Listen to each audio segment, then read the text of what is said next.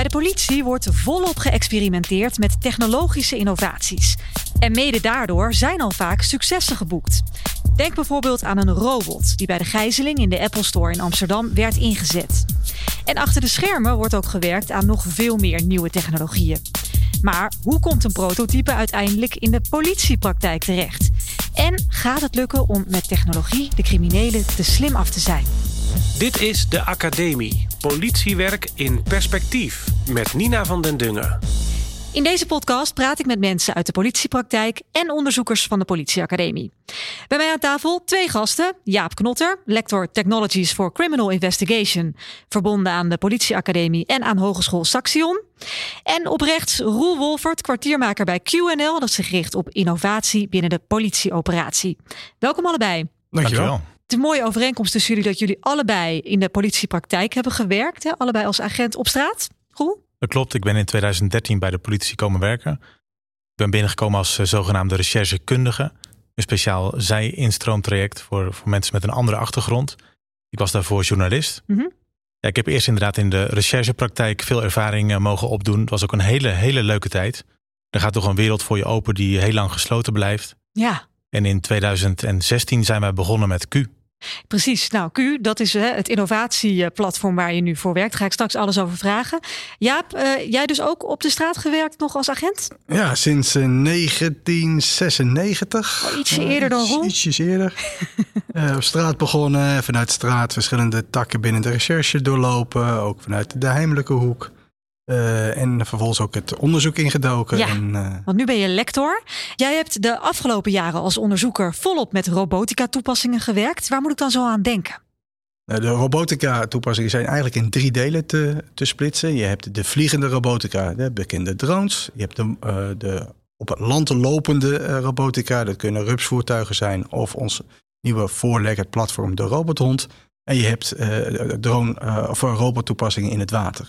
Ja, dus je werkt op al die vlakken werk je aan nieuwe toepassingen. Ik heb begrepen dat er ook een robothondje is. Ja, dat klopt. We hebben eh, sinds kort een voorleggend eh, platform. Four-legged. Voorlegged, dus vier, Vier pootjes. Vier pootjes. Ja, ja, ja. En die hebben we in het, eh, ja, voor de, voor de, voor de grap, het, het hondje genoemd. Die hebben wij ook in ons bezit. En daarmee zijn we allerlei experimenten aan het uitvoeren. Hoe zo'n spot of hoe zo'n robothond in de praktijk toegepast kan worden. En die robothond, die is nog niet ingezet. Het lijkt mij namelijk perfect voor zo'n gijzeling bij de Apple Store. Maar daar is een ander soort robot naartoe gegaan, toch? Ja, eh, bij de Apple Store is de standaard robot die nu gebruikt wordt door de, door de dienst eh, ingezet. Ja. Het grote nadeel van de standaard robot die ze nu hebben, dat die niet met bepaalde sensoren uitgerust kan worden die wij nu aan het ontwikkelen zijn. En want wat je graag in die, op die locatie of dat incident had willen weten, droeg de dader of de, droeg de gijzelnemer daadwerkelijk een bomgordel? Eh, ja of nee? En wat voor bomgordel is het dan? Nou, Ja. Om dat te kunnen meten heb je sensoren nodig die wij hebben ontwikkeld. Kunnen straks toegepast worden op de robot de hond, de, Ja. de spot. Die ruikt dat dan. Die kan dus naar voren lopen. Die kan dus ruiken welke chemicaliën eh, de eh, dader bij zich draagt. En kan dan een inschatting maken. Het is deze springstof. het is gevaarlijk. Dus je zult je procedé moeten gaan aanpassen. Ja. En die robot die er naartoe ging, die kon dat allemaal niet. Maar wat, wat kon die dan? Waarom was die daar dan op dat En die moment? kan wel naar locatie toe gaan. Die kan wel camerabericht geven. En op dit geval gaf hij eh, een, glaasje water eh, aan, de, aan de gijzelnemer. Om op die manier ook in communicatie te treden. Maar je had natuurlijk heel graag wat meer willen gaan doen. Ja. Is hij ook al ingezet? Hij is nog niet ingezet, dat kan ook nog niet, want je moet eerst testen. Nou, allereerst moet je eerst kijken waarvoor wil je eigenlijk robots inzetten binnen het politievak. En of dat nou binnen de handhaving is of binnen de opsporing is. Eh, wat je vaak wil kijken is dat het of bij gevaarlijke omstandigheden wilt inzetten, dat je niet je collega's blootstelt aan gevaarlijke situaties. Of dat je repetitief werk eh, wil gaan doen. Een beetje vergelijkbaar wat ook in de automatisering in andere sectoren van onze samenleving geldt. Ja, als je dus veel bezig met robotica. Je doet ook andere dingen zoals quantum dots, kom ik zo even op. Maar eh Roel, eerst even naar jou. QNL is ook een innovatieplatform. Wat, wat doe jij daar? Ja, QNL is eigenlijk een netwerk van teams binnen de politieorganisatie. Ik vertelde net al dat we in 2016 zijn begonnen. Want toen ik in die recherchepraktijk werkte, toen zag ik dat de waan van de dag eigenlijk continu regeerde. En de noodzaak voor innovatie werd toen eigenlijk ook al gevoeld en ook beschreven. Een oud-regisseur, Michiel Prinsen, schreef daar destijds een boek over, De gekooide recherche. Hij eh, legde eigenlijk de vinger op de zere plek en vertelde dat de recherche eigenlijk niet eh, dat er geen cultuur was voor vernieuwing en innovatie. En ik voelde dat ook toen ik zelf in die praktijk werkte. En vandaag de dag is het eigenlijk cruciaal dat al onze collega's in staat zijn om oplossingen te genereren in een tijdperk waarin de wereld steeds sneller en sneller verandert. Digitalisering, ja. Waar we bij de politie over het algemeen een beetje gewend zijn om dan aan de voorkant te gaan ontwerpen hoe dat er precies uit moet zien, hebben wij eigenlijk vooral met trial and error langzaam geleerd ja, hoe we zoveel mogelijk tijd en ruimte en ook spelregels voor collega's kunnen creëren. Maar geef eens een voorbeeld. Hè? Waar, waar komt de collega naar jou toe? Die zegt, joh, ik, dit werkt gewoon totaal niet lekker. Heb jij een oplossing? Nou, een experiment wat we gedaan hebben op het gebied van cold cases. Experiment Case. Klinkt als een robothondje. Het klinkt als een robothondje, maar dat, dat is het niet. We hebben hem wel geprobeerd om een menselijk gezicht te geven. Case is een software tool waarmee we proberen om cold cases te prioriteren op forensische kansen die daarin zitten. En cold cases, dat zijn over het algemeen moordzaken in Nederland en anders uh, hele ernstige delicten waar een uh, gevangenisstraf van 12 jaar of meer eh, op staat. Ja. Er zijn duizenden nabestaanden van dit soort zaken die nog steeds in onzekerheid leven en die een antwoord verdienen. Ja. En de manier waarop wij deze mensen nu een antwoord proberen te geven, dat doen we op basis van handwerk. Je spit alle bewijzen door, alle dossiers, of er nog ergens een aanleiding is, een aanwijzing om nog onderzoek te doen. Ja, precies. We weten uit onderzoek dat die cold cases worden opgelost door eigenlijk twee elementen. Waar tijd normaal gesproken een vijand is voor recherchewerk, is het bij cold cases eigenlijk een soort voordeel geworden. Je ziet dat we die zaken eh, over het algemeen oplossen. Of doordat getuigen ineens bereid zijn om wel te verklaren na verloop van tijd, omdat bijvoorbeeld relaties veranderen. Uh, of, omdat er bij, uh, of omdat er forensische mogelijkheden ontstaan die er vroeger niet waren. Ja. Als simpel voorbeeld, je had vroeger echt een bloeddruppel nodig ter grootte van een Rijksdaalder om daar een DNA-profiel uit te halen. En dat probeerden we dan wel, maar dan kwam er een onvolledig DNA-profiel uit. En vandaag de dag kun je dat soort soortgelijke sporen, bloedsporen, eigenlijk opnieuw insturen, omdat je veel minder materiaal nodig hebt. En dat is een van de belangrijkste redenen waarom we die cold cases oplossen. En ja, dan kom ik even terug op het handwerk. We proberen dat op een nog een vrij traditionele manier eigenlijk, proberen we die kansen in die cold cases te vinden. En dat duurt gewoon heel erg lang. Gewoon manuren die alles doorspitten. Maar we hebben een schatting gemaakt dat we ongeveer 25 miljoen pagina's hebben die we nog langs moeten gaan om in te schatten waar dan die kansen zitten. Ja, dat is niet te doen natuurlijk. Dat is niet te doen. En tegelijkertijd is er dan nou, het mooie tijdperk aangebroken waarin je ook met technologie daarin heel veel kan versnellen. Nou, en dat, eh, dat hebben we hier proberen te doen. En uh, hebben we echt gedaan op basis van onze eigen methode. We gebruiken heel veel methodieken uit de zogenaamde start-up wereld. Die proberen van buiten de politie naar binnen te halen om zo, zo dicht mogelijk op die gebruiker eigenlijk te vragen... hoe kunnen we nou zo snel mogelijk waarde toevoegen? Ja. Het liefst wil je natuurlijk al die cold cases prioriteren op alle kansen die daarin zitten. En ziet een beetje zo'n dataset waar je filters voor bouwt. En we leerden al vrij snel dat die regisseurs al heel erg gebaat zouden zijn bij een, het ontwikkelen van één filter. En dan wel in een end-to-end oplossing. Dus een oplossing waarin ze zelf kunnen inloggen in de systemen die ze kennen. Um, en die hun al helpt om eigenlijk een eerste schifting te maken op welke zaken ze nou uh, moeten focussen. Ja, dus, dus Case, jouw software tool, die uh, gaat eigenlijk al die 25 miljoen pagina's uh, met een stofkam er doorheen. En geeft dan een kant-en-klaar lijstje. Deze zaken, daar zou je nog eens naar kunnen kijken? Het zijn er helaas nog geen 25 miljoen, want we moeten nog een soort achterstand inhalen. Niet al die zaken zijn digitaal beschikbaar. Dus we hebben in eerste instantie ook volgens die zogenaamde Lean Startup wetten hebben we geprobeerd om gewoon de zaken die al digitaal waren, gewoon te gebruiken. Mm -hmm. En onze software ook te laten leren op basis van die zaken. Hoe ze dan die eh, sporen konden herkennen die, waarvan wij weten dat die kansrijk zijn. Mm -hmm. Dat is gewoon heel goed gelukt. Dus we hebben nu eigenlijk één filter gebouwd voor die, voor die regisseur. Die inderdaad aangeeft welke zaken kansen hebben die uh, de moeite lonen om die zaak nog eens goed te bekijken worden, ja. en, en, opnieuw in te sturen. Ja, ja, en daarmee is die tool dus eigenlijk verworden tot een, misschien wel het antwoord voor de nabestaanden. Van dat hopen we. Ja. Nou, op dit moment heeft die tool zes zaken geprioriteerd die niet in beeld waren.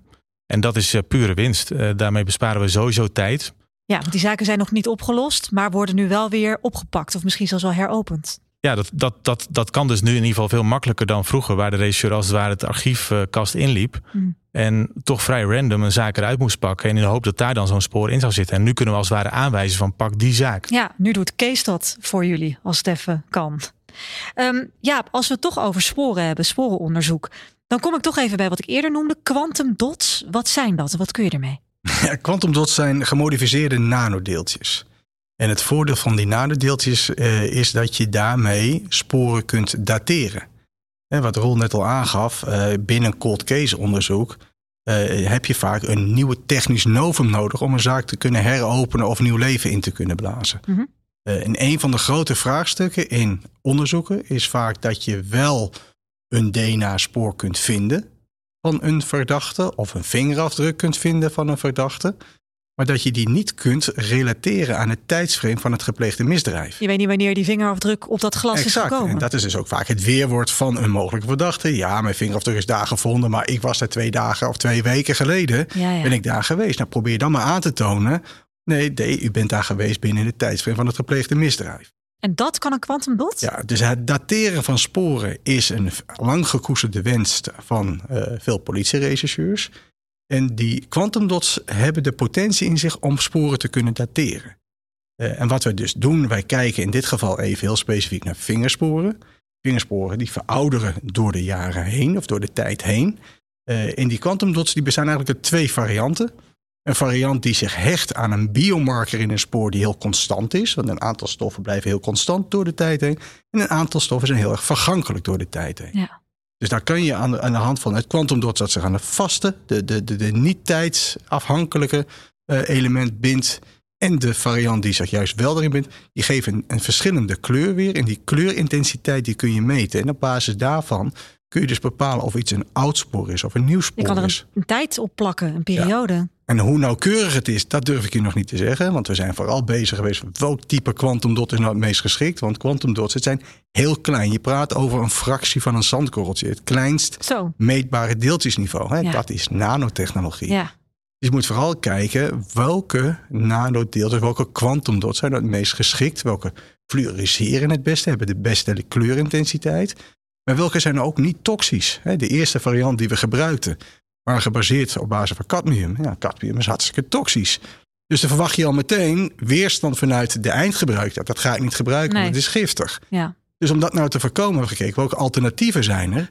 En we hebben echt quantum dots gemaakt op basis van broccoli, van bananenschillen. Van allerlei varianten kun je quantum dots maken. Maar jij zit dus nog in de onderzoeksfase. Dit is nu nog niet bruikbaar we, in we de zijn, praktijk. we, we zijn al een stapje verder. We hebben Ja? bruikbare quantum dots gemaakt. En die hebben we ook al toegepast op die vingersporen. En dan komt de volgende uitda- uitdaging. In een labomgeving kun je heel mooi al dat verschil laten zien. Maar dan moet je die vertaling zien te maken van een labomgeving naar de praktijk. In de praktijk is het toch wel wat weerbarstiger. Die laat zich niet vertalen in een labsetting. Nee. Eh, En dan moet ook kijken hoe doen de politiemensen het nu? Hoe worden bijvoorbeeld vingerafdrukken zichtbaar gemaakt? Dus je moet je kijken, kan je een combinatie maken tussen de quantum dots en de huidige methodes? Met name ook bedoeld, waar Ron net ook al op wees, om eventuele weerstand, oeh, dat ga ik niet gebruiken, dat ken ik niet, om die te omzeilen. Om te kijken, Ja. het, is hetzelfde wat je nu doet, hetzelfde poeiertje, alleen het poeiertje is niet alleen maar met ijzersulfaat wat erin zit, maar er zitten ook quantum dots in. En naast het feit dat je de vingerspoor zichtbaar kan maken, kan je ook meteen dateren. Maar werk jij dan ook, net zoals Roel eigenlijk doet bij Q, met trial and error? Of, of zeg jij nou, wij houden het veel langer bij ons, dat die proefperiode en toetsen en toetsen en dan pas als het werkt, gaan we het in de praktijk inbrengen? Nou ja, in de meest wetenschappelijke manier wil je natuurlijk pas naar buiten gaan als je eh, Als succes hebt, als ja. het allemaal werkt. Maar je hebt gewoon die wisselwerking nodig met de praktijk. Dus je zult gewoon met je eerste prototypes zul je die praktijktesten moeten gaan doen. En je Ja. hebt je ook de input nodig van het werkveld om het product te verbeteren. Dat noemen wij een iteratief proces.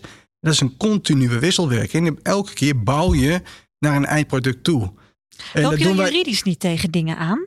Mag het wel? Mag je dit zomaar gebruiken? Ik kan me voorstellen dat daar wel... Nou, voor de toepassing van quantum dots eh, eh, in dit geval nog niet. In ieder geval, die zijn we niet tegengekomen. Voor andere technieken kom je wel tegen beperkingen aan. Omdat je daar aan allerlei wet en regelgeving moet doen van... mag je het inzetten? Wat is de juridische grond? Wat is je bevoegdheid? Hoe ziet het opera- operationeel handelingskader eruit? Wat levert het op? Nou, dat zijn wel hele andere vraagstukken. Bij die Ja. quantum dots komen we dat minder tegen. Eh, maar is vooral de gedachte ehm, eh, om het met elkaar te gaan doen. En de, de, wij doen het ook bewust, deze, deze, deze manier van werken. Omdat heel veel eindgebruikers, onze collega's op straat al aangeven. Wetenschappers, ontwikkel nou niet meteen al het eindproduct. eh, want dat kan wel jaren duren. Misschien is het een of ander tussenproduct Precies, we willen het al, al hebben. hartstikke mooi. En kunnen Ja. die nu al gebruiken. En dan ga je in die tussentijd maar weer doorontwikkelen naar versie 2 of versie 3. Ja, Dus vaak zitten we ook veel te lang in ons laboratorium om maar door te ontwikkelen, om het door te ontwikkelen, om het nog beter te maken en beter te maken. Terwijl een tussenproduct al een verbetering kan zijn voor Ja. het werkveld. En Ja. een mooi voorbeeld daarvan is een, een, een, een drone die we hebben uitgerust met een grondradar en een hyperspectrale camera. Die drone kan vanuit de lucht in de grond kijken of daar stoffelijke overschotten begraven liggen. Die je niet met het blote oog kunt waarnemen, maar die zo'n grondradar met een hyperspectrale camera wel kan zien. Ja. Eh, dat product hebben we gemaakt, we hebben software geschreven, we hebben hem getest. en We zijn in staat om, vliegend op twee meter hoogte boven de grond, om kadavers van een koe, een varken of wat dan ook te kunnen detecteren. En nou, dat is een Of beetje een vergelijkbaar met een mens. ja, Op mensen hebben we het nog niet getest, want dat is wat, is wat kan lastiger. ik me voorstellen. Eh, maar dat kunnen we. En eh, uiteraard is het nog niet klaar, want we willen zorgen dat hij ook autonoom kan vliegen, automatisch kan vliegen, dat hij zelfstandig zijn pad kiest. Maar dan zeggen de collega's die in ons projectteam zitten, maar eh, dit is toch al fantastisch, mogen we hier al mee gaan vliegen? Kan dit nu alvast gemaakt worden voordat je die weer doorontwikkelt dat het automatisch kan gaan vliegen? En jouw antwoord is dan? Ja, dat, dat kan. Dit is al wat we kunnen. En als dit nu al een verbetering is, dan moeten we met dit prototype product kijken wat is de wet en regel. Mag ja, het? Precies. Kan ik jullie daarin trainen? Want we moeten ze natuurlijk ook vakbekwaam maken. En daar Ja. komt ook de rol dus van een politieacademie om de hoek kijken. Dat je dus niet alleen maar producten moet maken, maar dat je ook moet zorgen dat de eindgebruikers vakbekwaam gemaakt kunnen worden om die techniek daadwerkelijk te kunnen Precies. en te mogen gebruiken. Ja, dat lijkt me evident. Want Ja. anders heb je, kan je nog zoveel bedenken, maar dan kan je het in de praktijk niet inzetten. Ehm, het lijkt mij wel ook lastig, bijvoorbeeld ethisch gezien, eh Roel, als je nadenkt over hoeveel nu gemeten kan worden met allerlei eh, technologische innovaties. Er wordt nogal wat data opgehaald, die wordt uitgelezen. Is dat een, iets waar jullie je ook mee bezighouden? Kijk jij bij Q bijvoorbeeld naar ethiek? Jazeker. Wij noemen het zelf business science wat wij doen. Dat is iets anders dan wat Jaap doet. Dat is een veel zorgvuldigere variant van meten en weten. Ik zou heel graag even een brugje willen maken, want Jaap die benoemt net iets heel erg belangrijks. Het is heel mooi dat we als politie eigenlijk een hele grote stap vooruit aan het zetten zijn eh, met innovatie. We zien dat we op steeds meer plekken eigenlijk met de toekomst bezig zijn. En dat we proberen om te zien wat dat betekent voor het reguliere politiewerk. Ja. En tegelijkertijd is het ook een enorme uitdaging om ja, dat soort van filosoferen over de toekomst ook te verbinden aan de politiepraktijk van vandaag.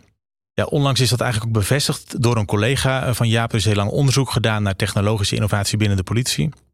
Dat het tot een aantal jaar geleden eigenlijk helemaal niet zo soepel ging als het ging om innovatie. Het duurde, zoals ik het me herinner van het onderzoek, zo'n 9,5 jaar voordat je een goed idee echt kon implementeren en opschalen in de politiepraktijk. Ja. Nou, vandaag de dag is dat natuurlijk veel te lang. Hè? De wereld is dan al lang weer veranderd naar een, naar, naar een nieuwe wereld. Ja, je innovatie is dan achterhaald, tien jaar later. Precies. Ja. En wat verder ook heel erg belangrijk en interessant was in dat onderzoek, was dat er eigenlijk werd geconstateerd dat technologisch innoveren, dat, dat het technologische gedeelte daarvan eigenlijk helemaal niet zo spannend was. Dat was niet het probleem. Maar het ging eigenlijk veel meer om het organisatorische, sociale perspectief daaronder. Ja, dat is ook precies een beetje de reden waarom wij ooit zijn begonnen met Q. Nou, onze teams die werken aan de ene kant aan die innovatieprojecten. En tegelijkertijd proberen we de tijd en de ruimte ook te gebruiken om onze collega's eigenlijk een hele nieuwe mind and skillset aan te reiken. Ja, daarvoor hebben wij eh, eigenlijk een hele eigen methode ook ontwikkeld binnen de politieomgeving.